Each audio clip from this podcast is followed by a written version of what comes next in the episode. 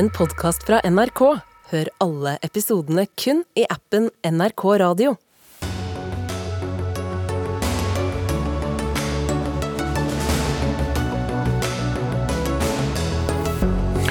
Økt skatt på mat, skatt på boligen du eier, gjeninnføring av skatt på arv, men lavere skatt på inntekt. Skatteutvalget har levert rapport, rapport og allerede fått skutt ned forslag.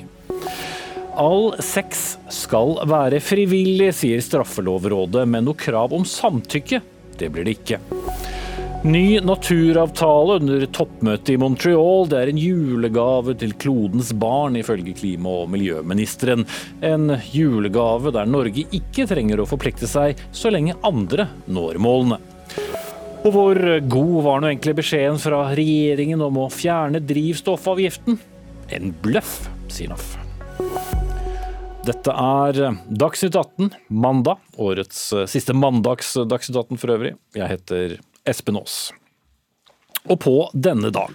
Den ble bestilt av Solberg-regjeringen, men mottatt av Støre-regjeringen, skatteutvalgets rapport. Og hvor godt godt den tas imot politisk, så det skal vi komme til snart. Men i det store bildet, alle får lavere skatt på arbeidsinntekt, men må betale full moms på alt, herunder mat. Det blir skatt på å bo i egen eid bolig, skatt på arv, høyere skatt på middels og høyere pensjoner, og taxfree-ordningen forsvinner. Samlet sett går det totale skattetrykket verken opp eller ned. Ragnar Torvik, professor ved Institutt for samfunnsøkonomi ved NTNU til vanlig, men du har ledet av dette skattelovsutvalget som hadde ni øvrige medlemmer. La oss begynne med da dette med moms. Det har vel allerede et flertall eh, skutt eh, ned, før du nærmest rakk å, å, fortelle om det. Hvorfor er det en god idé å gå tilbake med lik moms på alt? Ja, La meg først si hvorfor det er en dårlig idé å ha høyere moms, hvis det var det eneste forslaget vårt. For det er klart at høyere moms, det, det særlig på mat, så rammer jo det mer dem som har lav inntekt enn dem som har høy inntekt, av den enkle grunn at de at de bruker en større andel av inntektene sine på mat. Nå er det jo da sånn at Vi foreslår ikke at momsen skal økes uten å gjøre noe annet. Og Vi foreslår altså at vi skal eh, redusere inntektene på eh, arbeidsinntekter med 40 milliarder. Og så sier vi at det er bedre å drive inntektsomfordeling på en effektiv måte enn på en ineffektiv måte. Mm. Men uh, apropos denne, denne, momsen, da. Du kunne jo finansiere veldig mange andre tiltak med den. Og hvis da uh, Stortinget sier nei, det skal vi ikke ha. Hvordan nei, altså rokker det... det ved helheten i det rokker ikke ved helheten. Altså, alle våre eh, forslag er bygd på gode prinsipper, men de er jo skalerbare. Så Det går jo fint an å ta ut noen av våre forslag og likevel følge de samme prinsippene. Men akkurat det forslaget her vil jeg si at det er veldig dumt å ta ut. Fordi at Hvis vi ser på den måten å drive inntektsfordeling på, så er det veldig ineffektivt. Altså De 10% som har høyest inntekt, de bruker fire ganger så mye på mat som de som har lavest inntekt. Så for hver fjerde krone vi deler ut til dem som har mest penger, så deler vi ut én krone til dem som har minst penger. Og det å dele ut så mye mer til dem som har mye i forhold til dem som har lite, og kalle det inntektsomfordeling, det er ineffektivt. Så det vi da gjør, som du sier, vi trekker jo inn veldig mye penger på dette. Vi trekker inn 25 milliarder på det. Så sier vi halvparten av de, de bør gå til kompenserende tiltak. Det vil altså si at vi reduserer skatten for det første på arbeid med 40 milliarder. I tillegg til det så kommer det kompenserende tiltak. Vi foreslår at vi kan øke barnetrygda med 6000 kroner per år per barn. Vi foreslår at vi kan øke studiestøtta med 9000 kroner per år per student. Og vi har penger igjen til å gjøre andre ting. Det er en mye bedre og mer effektiv måte å drive fordeling på enn å ha et momssystem som vi kaller fordeling, men som gir mest til dem som har mest. Politikerne skal få kommentere dette etter hvert, men arveavgiften fjernet jo den forrige regjeringen så har det vært mye snakk om eh, at noen vil innføre den igjen, men eh, dere foreslår da litt høyere nivåer enn sist. Likevel, eh, det skal være en arveavgift fra 2 millioner kroner og enda høyere på 3,5 millioner kroner, hvilket betyr jo at enhver som f.eks. arver bolig fra sine foreldre i et tettbebygd strøk, må regne med at det koster å arve igjen. Ja, det koster å arve, og vi mener at det bør koste å arve. Hvorfor det? Det er jo allerede betalt betalt skatt og avgift på det? Fordi at eh, den, Det vi gjør på arveavgift, det er at vi sier at hvis vi sammenligner arveskatt og formuesskatt, så er formuesskatt mye mer skadelig enn en arveskatt. Og Grunnen til det er jo at formuesskatt er jo skatt på noe du bygger opp sjøl. Og det kan jo ha skadevirkninger fordi du får mindre insentiv til å bygge opp det. Mens en arveskatt det er stort sett skatt på noe du får lagt i fanget uten å ha gjort noe sjøl. Så ut fra et effektivitetsperspektiv så er arveskatt bedre enn formuesskatt. Men så er det også sånn at vi kan jo kanskje ha noen verdier i et samfunn som vi kan enes om. Og det at der hvor du havner økonomisk i livet, i så liten grad er avhengig av hvem du er født av og hvor du er født hen, det er jo en verdi som vi tenker at den er bra. Så det å kjøre ned formuesskatten og kjøre opp arveskatten er bra både effektivitetsmessig og rettferdighetsmessig. Og la meg legge til, vi reduserer altså formuesskatten med mer enn det vi øker arveskatten. Okay. Og Det er fordi at den formuesskatten er mer skadelig enn arveskatten. Notert. Eh, så var du også opptatt av på pressekonferansen i dag at det er ikke noe land i OECD som har flere i arbeidsfør alder som ikke er i arbeid, men går på en ytelse. Og du var opptatt av at det skal lønne seg mer å jobbe altså å gå over i jobb, og så vil det ikke lønne seg så mye å gå ut av jobb og over på, på, en ytelse. Hva er det du ønsker å oppnå her? Er det et slags spark til de som ikke jobber? Nei, jeg vil ikke si at vi deler ut to gulroter her, men den ene er større enn den andre. Det er altså sånn at også skatten for de uføre går ned. Men skatten for dem som er i arbeid, går ned med enda mer. Så det betyr det at vi reduserer skatten særlig mye på eh, lavere arbeidsinntekter. Det gjør det mer lønnsomt å stå i jobb, det gjør det mer lønnsomt å utnytte noe restarbeidsevne hvis du får har det. Du får rett og slett mer igjen for det. Og Det mener vi er bra, for vi har et kjempeproblem i eh, Norge, nemlig det at så mange, og særlig unge, og mye av økningen er unge, de ramler ut av eh, arbeidsmarkedet. Men da mener du vel også at folk egentlig kan jobbe, men lar være, men velger så å gjøre det hvis de ser at de kan tjene mer penger på det? Nei, jeg tror nok at Det er vanskelig å generalisere her, og det er jo derfor vi har et forslag som balanserer opp de hensynene. Det er jo noen som er ufør som helt åpenbart ikke har mulighet for å jobbe. De får, får, heller ingen fordel utover det. De får også en fordel, fordi at skatten for dem blir også redusert. fordi at Vi reduserer jo trygdeavgifta med 1 prosentpoeng. Det betyr at skatten for alle blir redusert. Men så er det riktig at skatten blir redusert mer for dem som jobber, enn for dem som ikke jobber. Og Det vi ønsker å oppnå med det, det er jo nettopp å hindre at så mange faller ut av arbeidsmarkedet. Og Nyere forskning er det noen viser, så er det to ting. For det første, det er en veldig sterk respons, sånn at uh, dem som er dem som er ute av arbeidsmarkedet, de responderer på økonomiske insentiver. Og for det andre, dette er mye verre enn vi har trodd. For det er sånn at hvis du er barn av noen som er ufør, alt annet likt, så har du mye større sannsynlighet for å ende opp som ufør sjøl. Det er en langsiktsvirkning av dette, det er en trend som vi må unngå, og det adresserer vårt forslag. Mm -hmm. Ca. hvert punkt av det vi har diskutert kunne avstedkommet lange Dagsnytt 18-diskusjoner, men vi får prøve å ta det ned. Frode Jacobsen, stortingsrepresentant fra, fra, Arbeiderpartiet. Sammen med Senterpartiet har dere sagt vi skal i hvert fall ikke øke matmomsen. Men ut fra helheten, er det fortsatt like dumt? Jeg syns jo det utvalget kommer, og som det Ragnar Torvik eh, presenterer både på pressekonferanse før i dag og her nå, er mye spennende tanker. Og det som er bra, er at vi får en diskusjon om noen helhetlige prinsipper i skattesystemet vårt.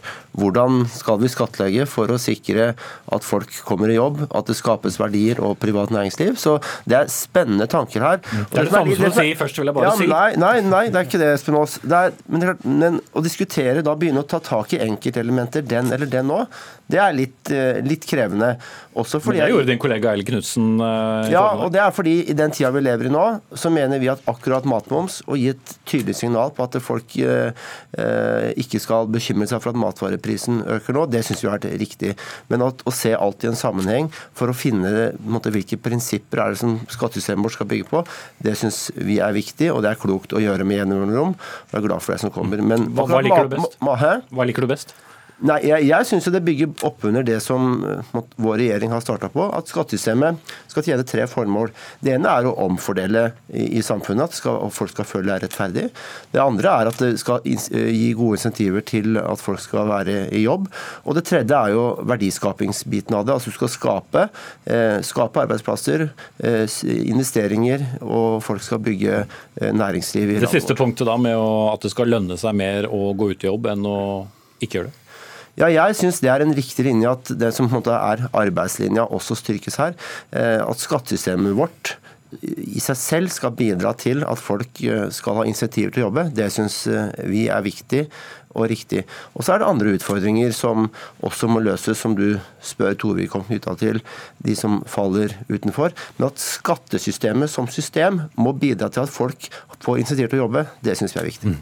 Det var altså den forrige regjeringen, Lete Erna Solberg, som bestilte dette. Helge Orten, du er stortingsrepresentant fra Høyre. Økt moms, arveskatt og fordelsbeskatning av eid bolig. Det var vel ikke noe du ville ha bestilt?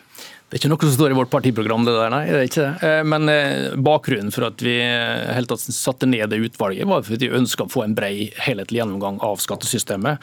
Jeg tror det er sunt fra tid til annen. Og så ser vi også at vi var inne i en periode der at vi har store utfordringer knytta til hvordan vi skal få ned klimagassutslipp, som vil også påvirke dette her. Hvordan skal vi innrette avgiftssystemet vårt? Det er store endringer som, som vi antageligvis er nødt til å gjennomføre, og som vil ha betydning for helheten i skattesystemet. Men, men er det ting her som du tenker eh, kan flytte litt på, på Høyres absolutter mot uh, en del skatter? Altså, vi fjerner arveavgiften, så ligger vel i kortet hva vi mener om det. Uh, vi også fjerna vel i sin tid denne her fordelsbeskatninga av bolig. Uh, har, har, ikke lagt inn i programmet vårt etter det at vi har tenkt å innføre det igjen. Så, så det, det, er mange ting her som utfordrer oss på vår politikk. Men jeg tenker at nå skal vi bruke tid i vårt, vårt parti. Vi skal diskutere dette her grundig og skal ha en grundige prosesser i partiet for å, for å gå og se på helheten. Og så tenker jeg at vi skal komme fram til noen gode konklusjoner etter hvert. Men eh, det er åpenbart at det er en del av forslagene her som utfordrer oss. Også det som går på merverdiavgiften, og ikke minst timingen knytta til det. Fordi vi står i en situasjon der folk opplever trangere tider. Mm.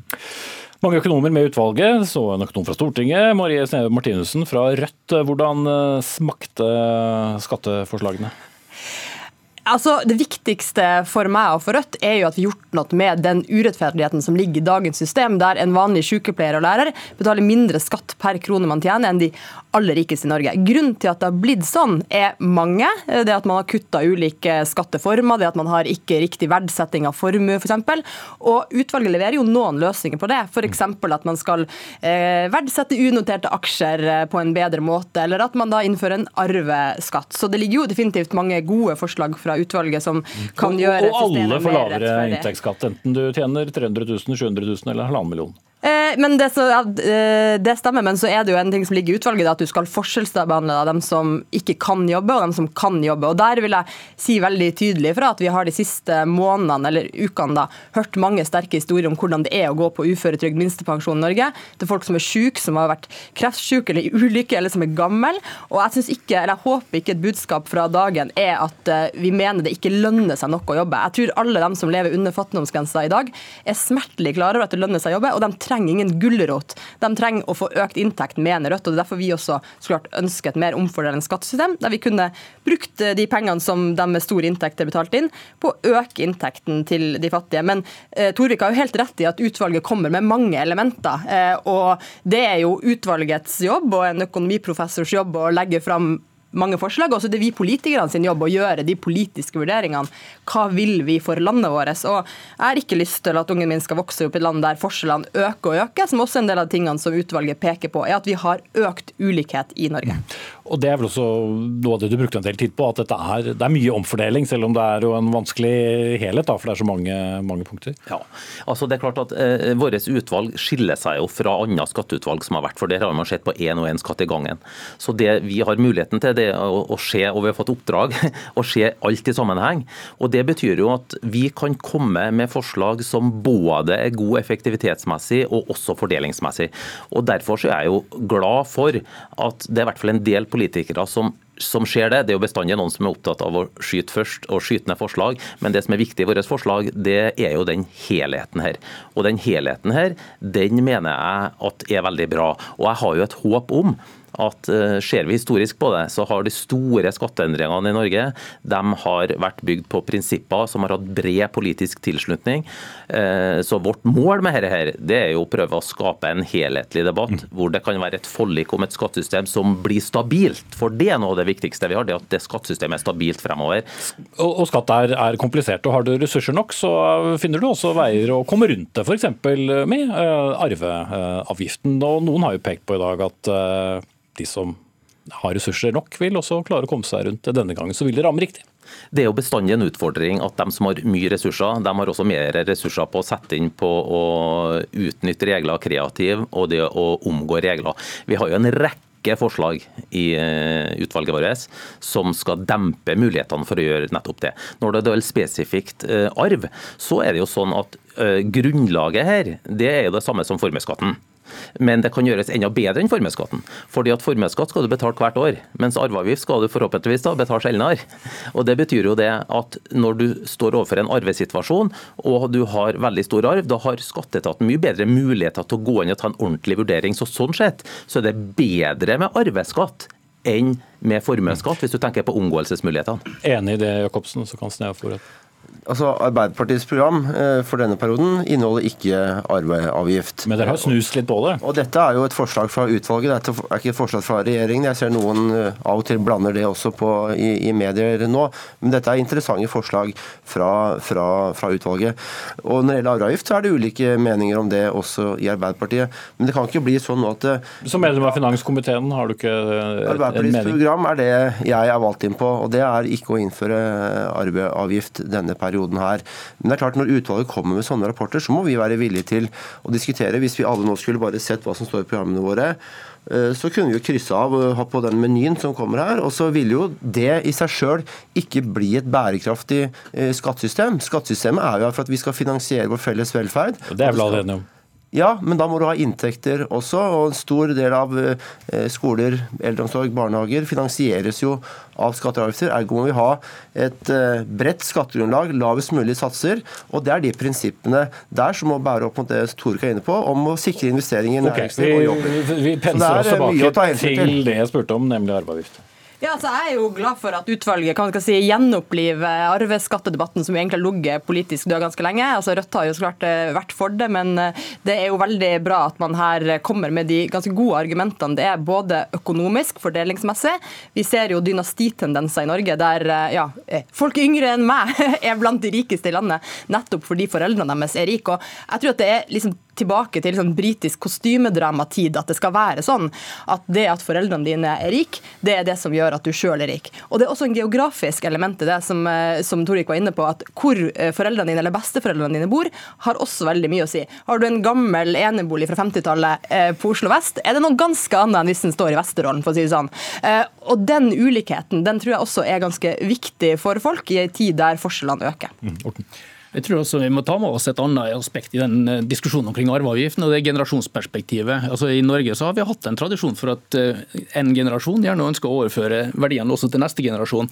Det gjelder om, det, om, du da eier en liten bedrift, eh, eller om du eier en bolig, eller hva det måtte være for noe, så er det på en måte også et godt prinsipp og sunt prinsipp, tenker jeg, at en generasjon tar vare på det en har, og ønsker å formidle det over til neste og, og generasjoner. Og det, sånn sett så er en arveavgift en, et, et, problem fordi du da må må beskatte av det, og det er jo ofte ikke-likvide eiendeler som du skal skatte av, og som er et problem for mange når de eventuelt skal motta en arv. Da. Så det det er, mange sider av dette her som jeg tror er verdt å diskutere. Ja, Tom, jeg tror vi kommer med oppfølginger senere òg. Selv om det ikke blir noe økt matmoms, så blir vel også bamsemomsen på stedet vil. Takk til Ragnar Torvik, som ledet skatteutvalget som het, Frode Jacobsen, Helge Orten og Marie Sneve Martinussen for henholdsvis Arbeiderpartiet, Høyre og Rødt på Stortinget.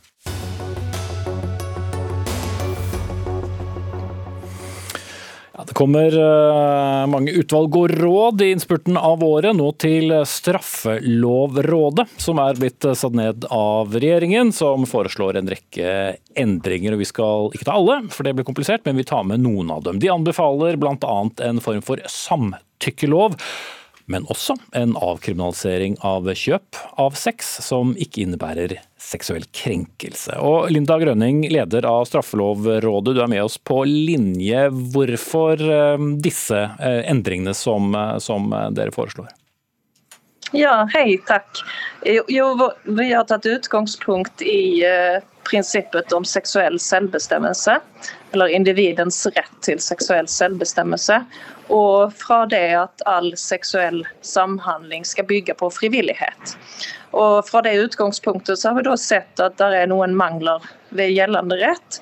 Eh, både når det gjelder handlinger som per dags dato ikke er kriminaliserte, slik som da eh, seksuell omgang mot noen som ikke samtykker til det. Og eh, i tillegg at det er noen handlinger som vi syns bør omfattes av individets eh, seksuelle selvbestemmelsesrett. Ja, Du har godt selskap eh, rundt deg på, på Gardermoen, hører vi Grønning, men eh, vi, vi, prøver eh, litt til. Så det settet med lover som er der i dag, ivaretar ikke dette godt nok?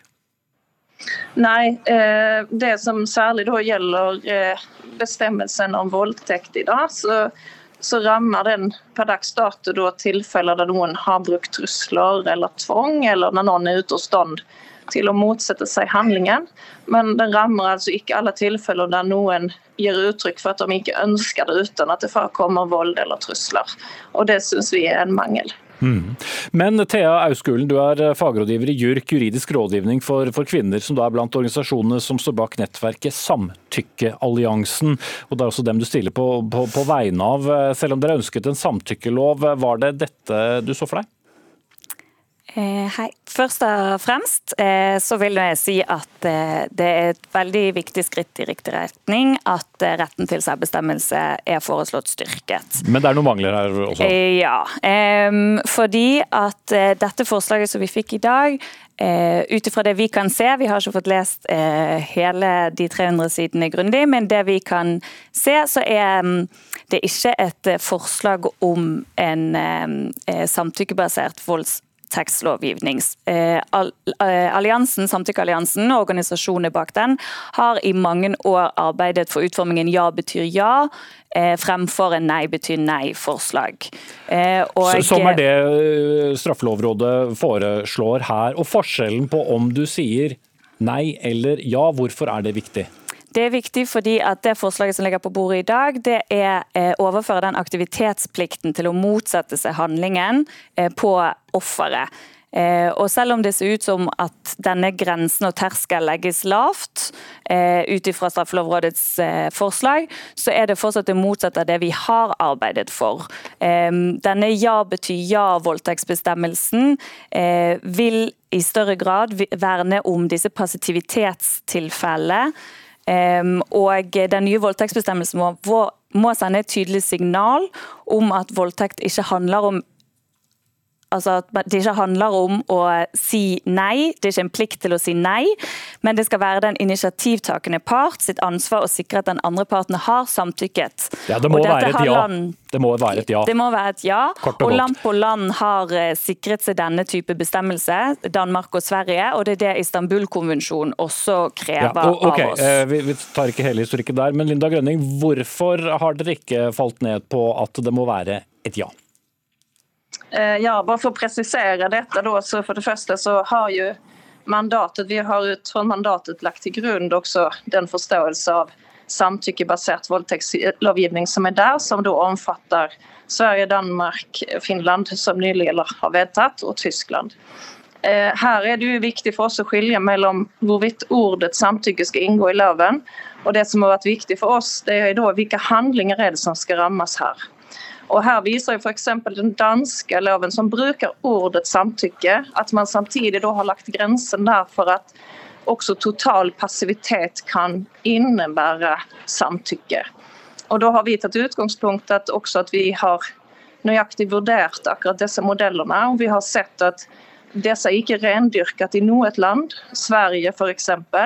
opererer med såkalt frivillighetsutelukkende omstendigheter som da egentlig betyr at man, når man skal presisere hva som kreves, så ender man opp i en slags da, en negativ definisjon.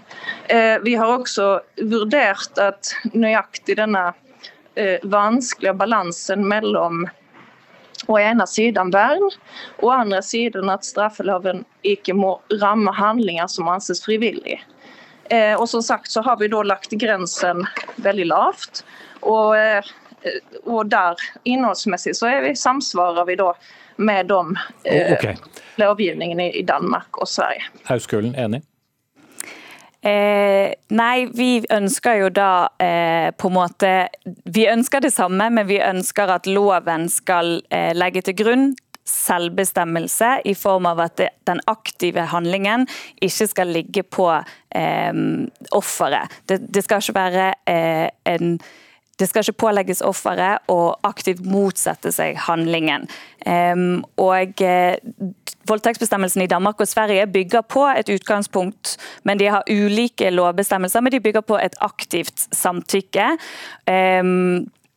Og eh, utelukker heller ikke at positivitet i visse tilfeller etter en konkret vurdering kan være samtykke, men utgangspunktet i loven, det vi verner, er den seksuelle selvbestemmelsesretten gjennom et ja betyr ja.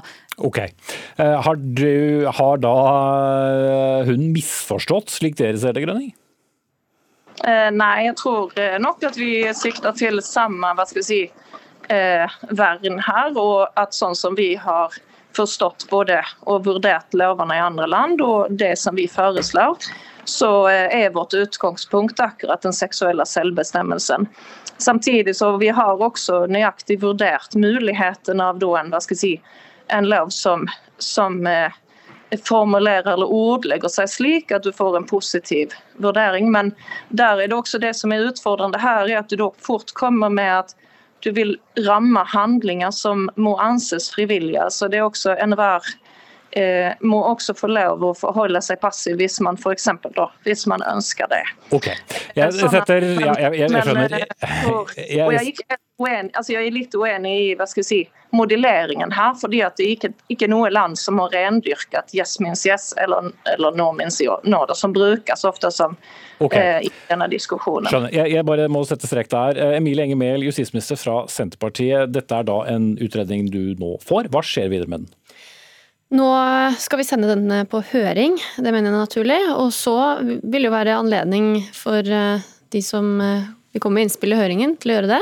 Etter det vil regjeringen tar vi sikte på å fremme et lovforslag om en samtykkelov. Det har vært et klart mål for oss lenge. Jeg er veldig glad for at vi nå har fått en grundig utredning fra Straffelovrådet, og jeg er glad for at den ikke bare tar opp i seg dette spørsmålet, men også har sett på hele kapittelet om seksuallovbrudd. Eh, for det er viktig for oss at vi styrker ofrenes vern, og at vi sørger for at vi har et kapittel som ikke har eh, f.eks. rettstomme rom eller glipper som, som, kan gjøre at noen eh, ikke er beskytta i dag. Mm. Men, men nyansene mellom nei er et nei, ja er et ja, hvor opptatt er du det? Regjeringen har ikke tatt stilling til det som er lagt fram eh, i dag. Eh, vi har eh, bedt om en utredning. Når vi skal gjøre eventuelle endringer i straffeloven, er det veldig viktig at det er et grundig lovarbeid bak det. Nå har vi fått den for noen timer siden. og Det er jo også en utredning som eh, bringer med seg mange ulike forslag. Noen av de er nok kontroversielle og vil skape debatt. Derfor er det helt riktig at eh, dette nå sendes på høring, og så må vi komme tilbake til oppfølgingen av det som ligger der. Mm. Et annet punkt som vi snart skal diskutere, er jo nettopp det å eh, eh avkriminalisere kjøp av sex. Og du kan da bli den eh, justisministeren som eh, er ansvarlig statsråd for å endre dette eh, forbudet. Hva tenker du om det? Senterpartiet og Arbeiderpartiet i regjering har ingen planer om å oppheve sexkjøpsloven. Og så mener jeg det er riktig at vi nå tar denne rapporten på alvor og setter oss grundig inn i det som ligger der, før vi tar endelig stilling til videre oppfølging. Mm. Ja, Linda Grønning, Dette er jo i så fall et uh, skifte fra uh, hva som har vært norsk praksis en god stund. Dette som handler om uh, avkriminalisering av sexkjøp. Hvorfor er det en god løsning? Eller bedre løsning? Dette må også ses i lys av våre utgangspunkt om seksuell selvbestemmelse, og i lys av at vi også foreslår et styrket vern mot seksuell utnyttelse. Det vi ønsker å dette avkriminaliseringen baseres på vurderinger om skadefølgeprinsippen, altså om det står i et rimelig forhold å eh, bruke straff eh, mot disse handlingene som ikke innebærer noen andre krenkelser enn den, det å kjøpe. Altså det som handler om å innefatte utnyttelse eller andre krenkelser, det vil vi som sagt styrke vernet for. Men, men hva slags eh, sexkjøp er det da spesifikt eh, det handler om? Ja, Det vi snakker om her, er jo den isolerte handlingen at uh, transaksjon, at noen betaler for seksuelle tjenester fra voksne OBS. Og uh, Det som er interessant her, er jo at det, man har jo da for lenge siden avkriminalisert salg av seksuelle tjenester. og det er jo mens det er kjøpet vi rammer her. og Det finnes altså ikke heller noen direkte fornærmet i disse sakene. Mm. Andres Lekhanger, du er talsperson for Pion, sexarbeidernes interesseorganisasjon. og Dere ønsker jo en avkriminalisering også av uh, sexkjøp. Uh, hvorfor er det bedre?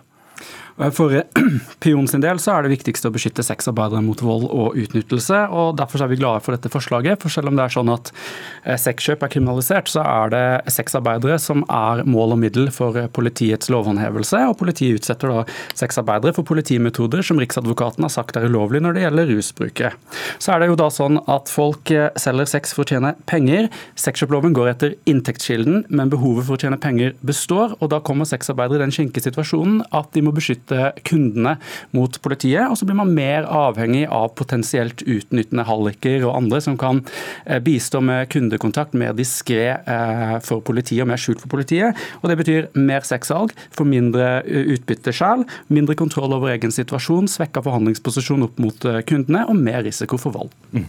Men så er det vel også de færreste sexarbeidere som er det av fri vilje. Og Hvis vi da fjerner den kriminalisering, åpner du ikke da også for at det skal være et eh, større marked, og at det vil være flere som tilbyr seksuelle tjenester når det ikke lenger er eh, ulovlig å kjøpe den?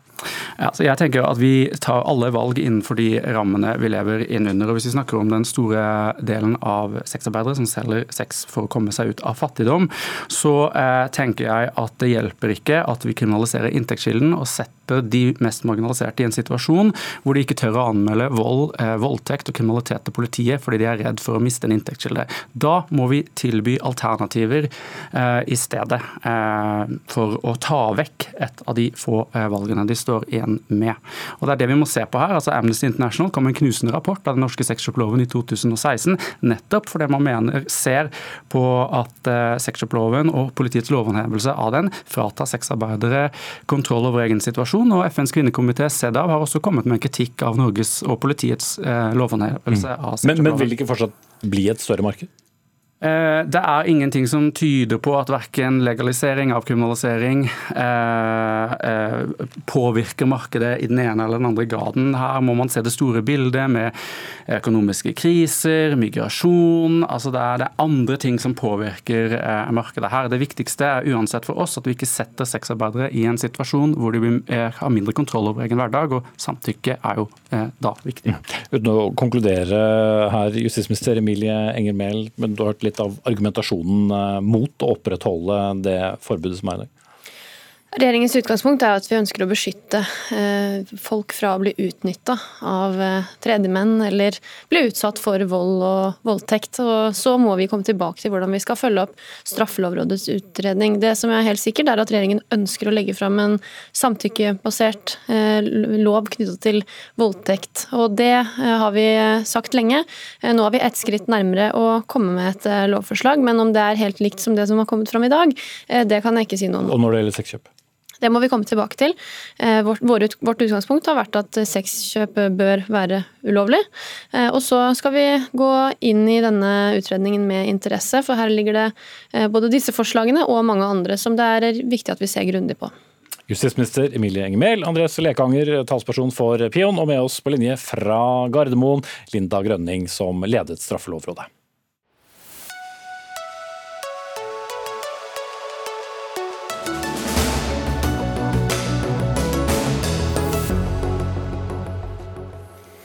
Skal vi til eh, Ukraina i dagsnatten, Dagsnytt 18, eller i hvert fall snakke om Ukraina. For nå kutter kuttes strømmen i hovedstaden Kyiv og i ti andre regioner. og Det skjer som følge av en rekke droneangrep fra Russland. og Det har derfor blitt nødvendig å innføre nødtiltak for energiforsyning.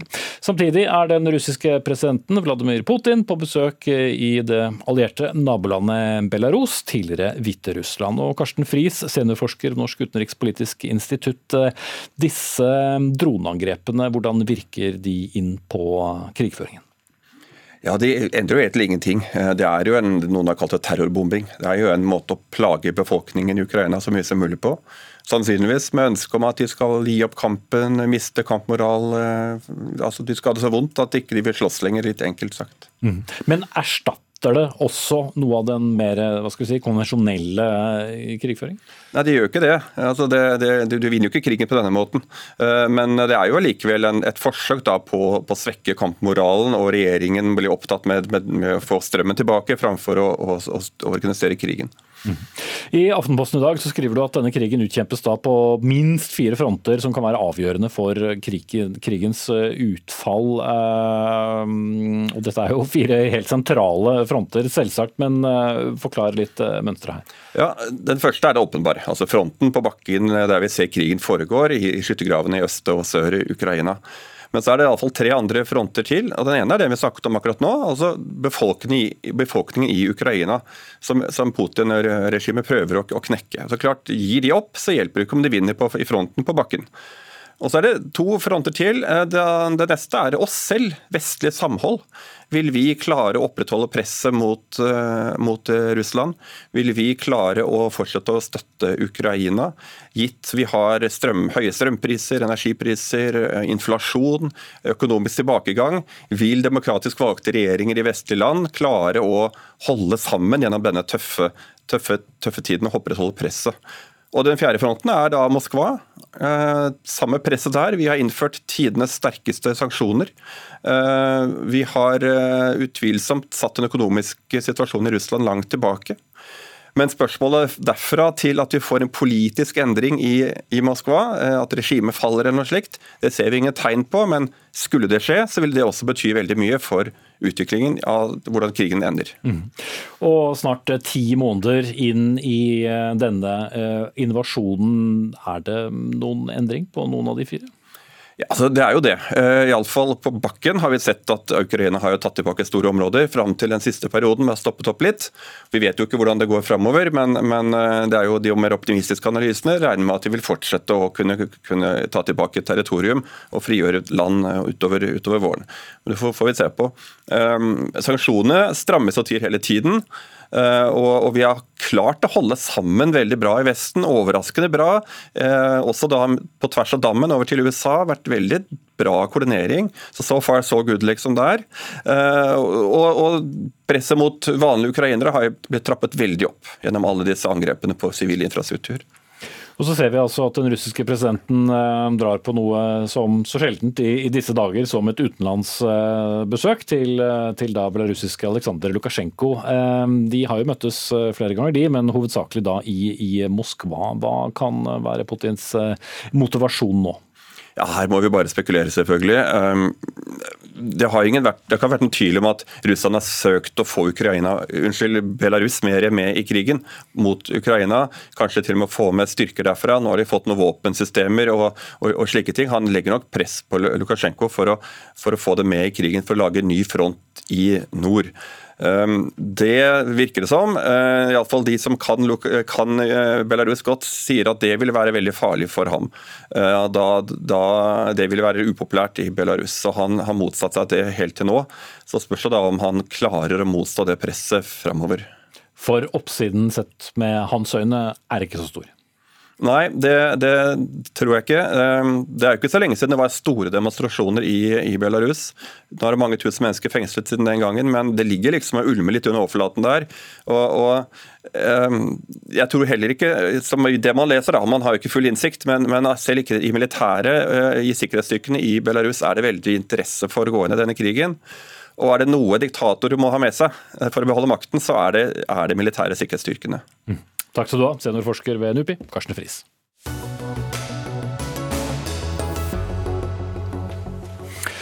På FNs naturtoppmøte i Canada er landene nå blitt enige om en ny naturavtale som skal verne verdens land og hav. Avtalen har blitt skildret som like viktig som eh, for naturen som Parisavtalen er for miljø. Og Ett punkt handler om at minst 30 av hav- og landområdene på jorden skal være under bevaring eller vern innen 2030, altså ganske snart. Vigdis eh, Vanvik, du er professor i planteøkologi ved Universitetet i Bergen, og du har som medlem av Naturpanelet deltatt som observatør på møtet, både, både fysisk og etter hvert da digitalt. Forklar oss dette 30 %-målet, hva betyr det i praksis?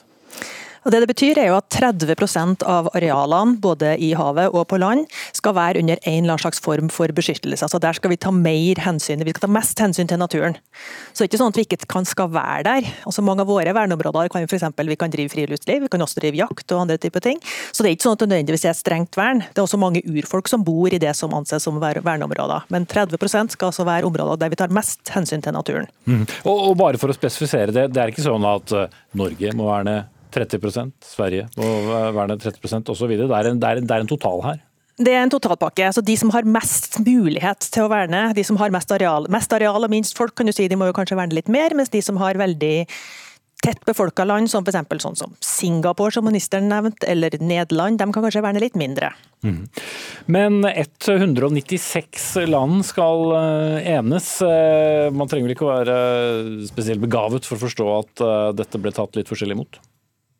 Ja, og det er jo ganske store altså Det er veldig store forskjeller. Det er sånne helt tydelige skillelinjer mellom forskjellige land. Altså for eksempel så har land i, sånn i, i nord, og også i den utvikla land, de har klare mål for at de har lyst til å ha ambisiøse mål på vern. De vil at vi skal ta, ha høye ambisjoner, vi skal verne mye, vi skal slutte å utrydde arter, vi skal ta vare på landområdene våre. Mens land i sør har jo da behov for utvikling, og de har også da veldig stort biologisk mangfold, samtidig som de har utfordringer med at de trenger økonomisk utvikling, de trenger matproduksjon eller sånne ting. Så Når du sier land, land, i sør, altså spesifikt f.eks. Eh, afrikanske land som har også vært under koloniherredømmer og ligger ganske langt bak eh, deres gamle koloniherrer.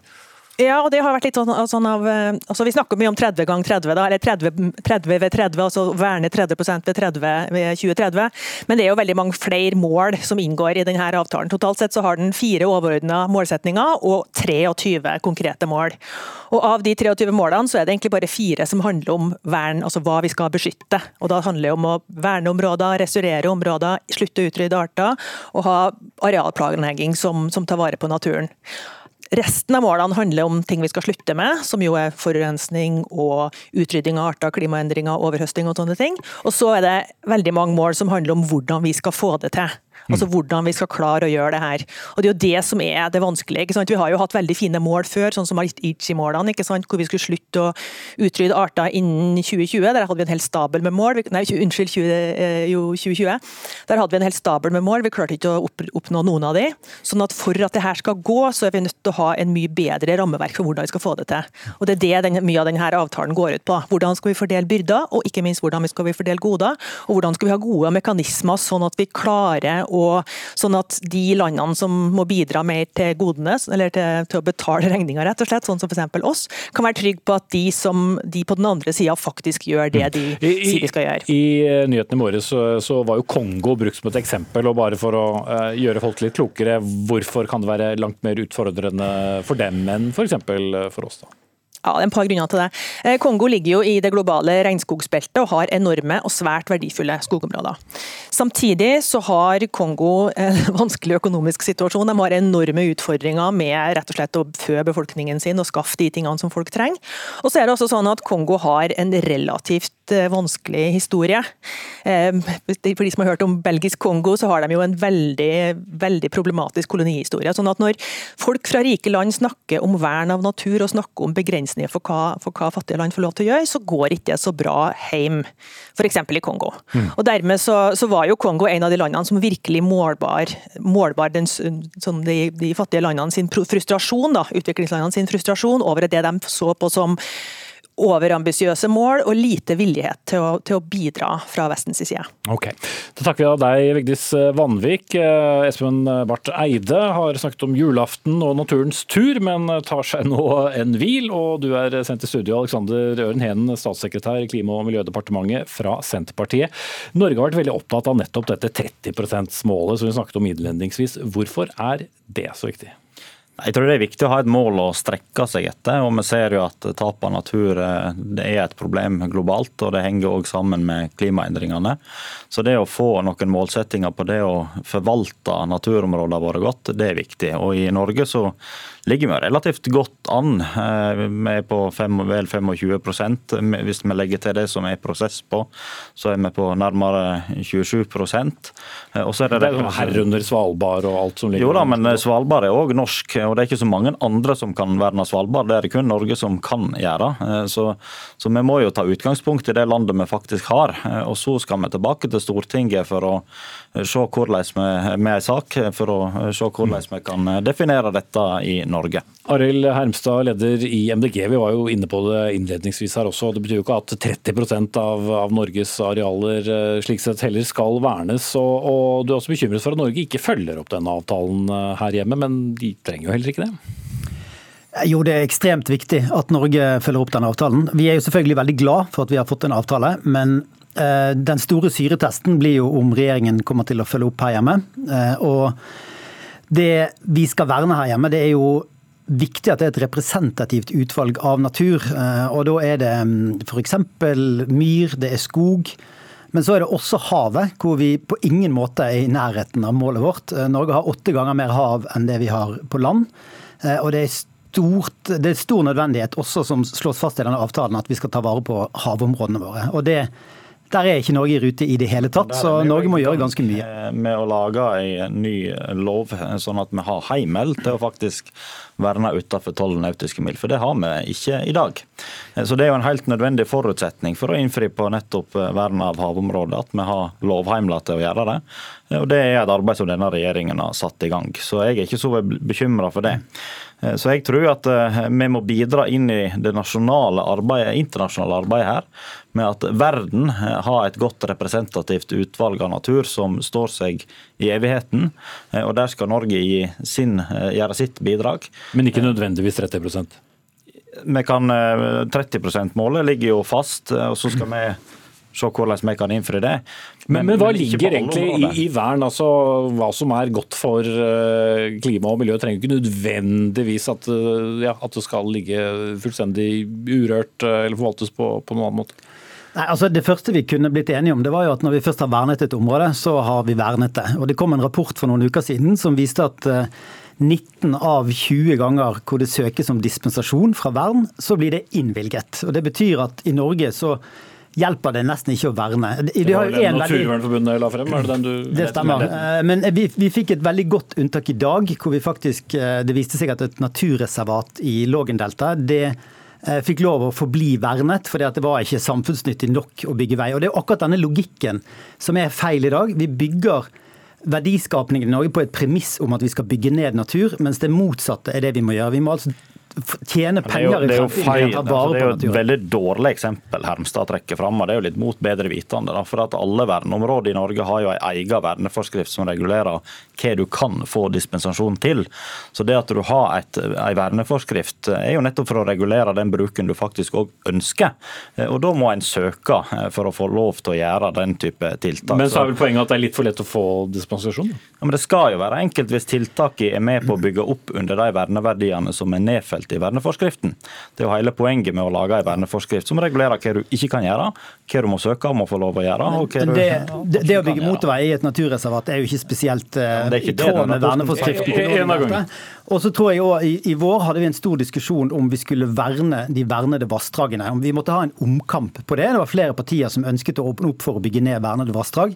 Og det er nettopp den logikken som gjør at man er nødt til å diskutere en naturavtale globalt. fordi at Den tradisjonelle måten å tenke verdiskapning på, det er altså at man bygger ned natur, og så skaper man arbeidsplasser. Og Det vi må gjøre i dette århundret, her, det er å bygge opp igjen naturen. Vi må skape nye jobber. Vi må skape verdier med å investere i naturen. Og jeg ønsker meg at mine barnebarn skal kunne oppleve en rikere natur enn det vi gjør i dag. Og da trenger vi altså en helt ny politisk kurs, og det er det vi har slått fast i Canada i dag. og Derfor så må regjeringen altså dra hjem endre planene på en rekke områder og sette en helt ny kurs for hvordan naturpolitikken skal være. Innebærer det også at eh, en del må altså, kompenseres for, hvis eh, vi skal eh, nå dette målet? Ja, Det spørs jo hva verneformen nytter. Hvis vi ser på skogvern, så er jo det det dyreste vi driver med. Nå verner vi jo 54 områder på fredag på skogvern, som bidrar veldig bra på det representative vernet, faktisk. Så, så vi gjør jo grep der òg. Og så, så er det ja, Det er ulike verdier i ulike områder som en må velge å trekke fram. Kan ikke bare verne fjell? En kan ikke bare verne fjell, men det er klart det er lettere for Norge å verne fjell enn det er for Danmark. Så Det viser jo at vi må ha ulike områder i, i ulike land. Heimstad.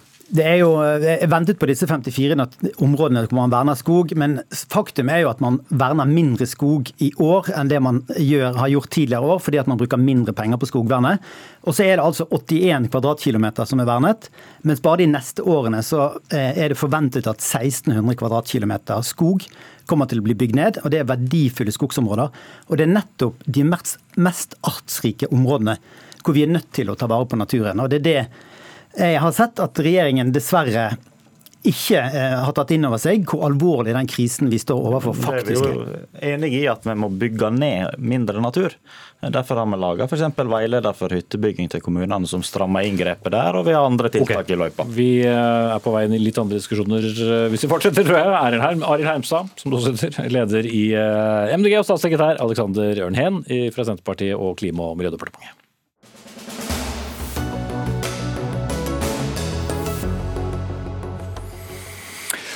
Gladmeldingen fra regjeringen om eh, det som tilsynelatende så ut til å være billigere bensin og diesel fra nyttår, har eh, surnet en smule siden nyheten ble presentert. Finansminister Trygve Slagsvold Vedum kunne smilende fortelle at drivstoffavgiften fjernes, mens bilistenes interesseorganisasjon NAF har kalt det hele for en bløff. Ingunn Hangård, du er pressesjef i NAF. Hvordan bløffer regjeringen?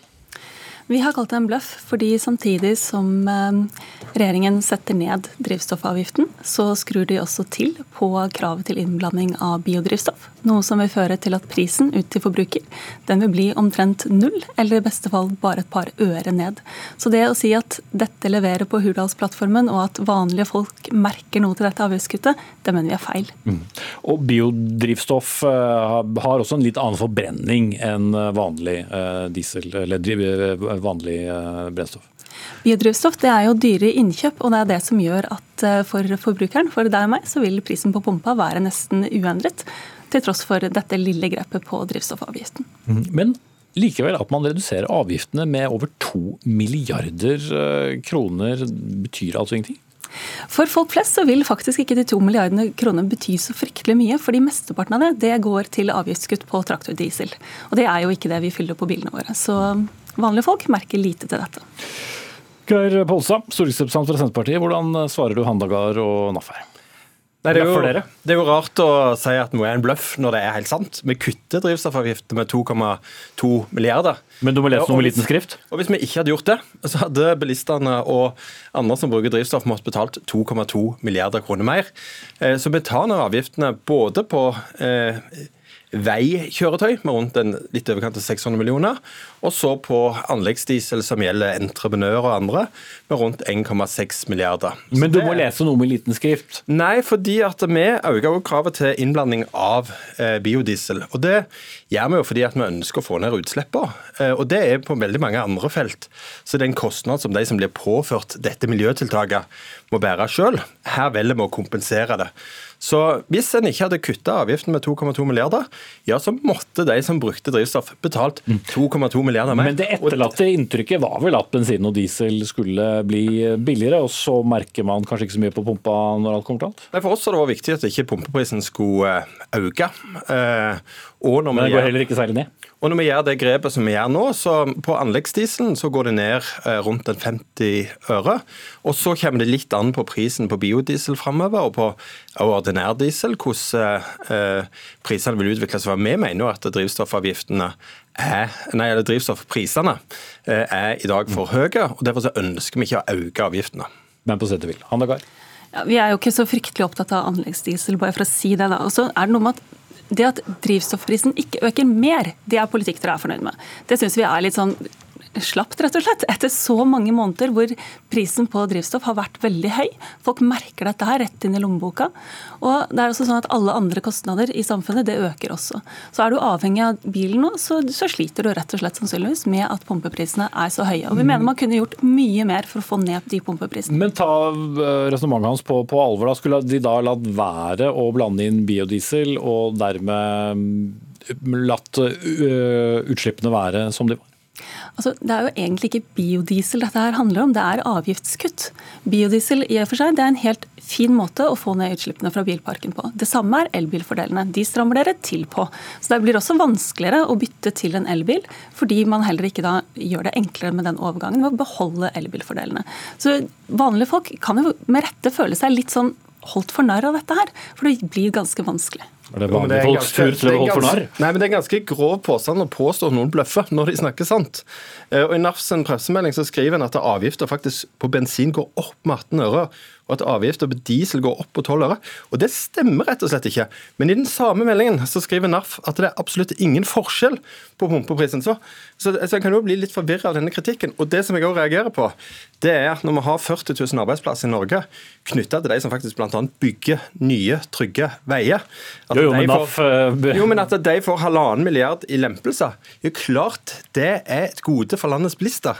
Så her syns jeg at NAF burde eh, argumentere mer redelig enn det de gjør. Og mitt spørsmål er, går avgiftene ned med 2,2 milliarder? Ja eller nei? Og hvis de gjør det, er det da grunnlag for å stemple det for en bløff? For det er det som er det alvorlige i dette. At NAF sier at folk okay, bløffer. så, svar på det, så skal jeg jo hente opp et annet sitat her. Ja, dere sier jo selv at avgiften, altså effekten totalt sett vil være null. Det gikk dere selv ut med senere på torsdagen ikke si etter massivt press fra oss. Jo, det er nemlig en bløff når det- det fremstilles for vanlige folk helt åpenbart at dette er et svært kutt som du vil merke. Dere sier jo til og med det selv at vanlige folk vil merke dette på pumpeprisen. Senere på dagen må dere si nei, vanlige folk må, kommer ikke til å merke dette på pumpeprisen. Det mener vi er en Det kommer an på prisen på biodiesel, hvordan den utvikler seg. om man vil merke det. Men det som er en realitet, det er at dette er et avgiftskutt på 2,2 milliarder. Og så må du også sammenligne med andre partier hva de gjør. Og da lurer jeg på hvem er det liksom NAF vil ha til å kutte drivstoffavgiften? Er det MDG, er det Venstre, er det Høyre? Partier som alle øker drivstoffavgiftene massivt. Men sitatet fra din partileder var følgende. Mange husholdninger og bedrifter opplever høye drivstoffpriser som en stor utfordring. Alle er sikkert enige om det. Reduserte drivstoffavgifter bidrar til å gjøre hverdagen litt enklere for husholdninger og næringsliv. Får du ikke da litt inntrykk av at du skal betale mindre for drivstoff når du fyller eh, bensin eller diesel? Jo, men vi kutter drivstoffavgiftene for veigående biler da, med 600 millioner kroner. Men så øker vi òg innblandingskravet. Og så vil det være litt, uavhengig av, litt avhengig av hvordan eh, prisen på både biodrivstoff og ordinær drivstoff blir. Om det medfører et kutt eller ikke i, eh, i pumpeprisen. Men tror du folk i distriktene nå tenkte å det var jammen bra at vi får to øre billigere? Jeg tror at en ser liksom at eh, et parti som Høyre vil ha 90 øre dyrere diesel på pumpeprisen. Vi heller eh, det vi har sagt. Vi kutter i avgiftene med 2,2 milliarder. Og det går det liksom ikke an å komme vekk fra. Andagar. Nå er det jo ikke andre partiers politikk vi utfordrer på. Det er dere som sitter med makta til å gjøre noe med disse pumpeprisene. Det er dere som har hatt hånden på rattet og har villet vente og se så lenge. Og når dere da endelig gjør noe, så gjør dere ørlite grann, men fremstiller det som dere gjør veldig mye. Det mener vi er veldig feil Nei, Vi sier ikke veldig mye, vi sier at vi kutter med 2,2 milliarder, og det er realiteten i saken. Jeg tenker at Når vi diskuterer saker, så bør vi forholde oss til hva som eh, ligger som en realitet. Og Det er ingen tvil om at vårt mål er at vi mener at de drivstoffprisene som er nå, er for høye. Samtidig så er det et budsjett Men det blir jo ingen forskjell. Jo, men det er et budsjett med et politisk, eh, altså et knapt politisk handlingsrom. Eh, Og når en bruker 2,2 milliarder på et område, så er det en ganske stor eh, satsing i et budsjett der vi har jo måttet gjort mange vanskelige kutt. Men vi har meint at det med stadig økende drivstoffpriser, det ønsker vi ikke å være med på. Men, men er du enig i at de aller færreste vil se noen endring på hva du betaler? Altså det vi håper på eh, og tror på, er jo at vi skal få orden på økonomien, sånn at vi har eh, Jo, men det har ikke noe med drivstoffprisen å gjøre? Jo, men det, det er viktig i en sånn situasjon at vi ikke øker avgiften, men at vi faktisk foretar kutt. Og Det er jo det som denne diskusjonen koker ned til, når det blir sagt at det er en bløff. Ville avgiften ha vært 2,2 milliarder høyere? For å spørre på en annen måte, da. eh, Ønsket NAF at dette kuttet ikke skulle vært gjort? Kort, kort, slutt. Det er litt spesielt å bli grillet eh, av motdebattanten også, men det handler jo om måten dette blir fremstilt på. Dere legger det frem som et kjempekutt som vanlige folk kommer til å merke. Og vanlige folk kommer faktisk ikke til å merke så fryktelig mye rett inn i lommeboka Ja, om prisen på anleggsdiesel går er ned. Dette er ikke noe stort kutt, dette er et veldig forsiktig kutt. Men vi bryter en trend med stadig økende drivstoffavgifter, og det er Én En ting er sikkert, for folk flest er det vel også tanken som teller. Vi takker dere av der, Ingunn Handagard fra NAF, Geir Pollestad fra Senterpartiet. Denne sendingen er over. Ansvarlig for den, Fredrik Lauritzen. Frode Thorshaug satt i teknikken. Jeg heter Espen Aas. Vi ses igjen i morgen. Eller høres.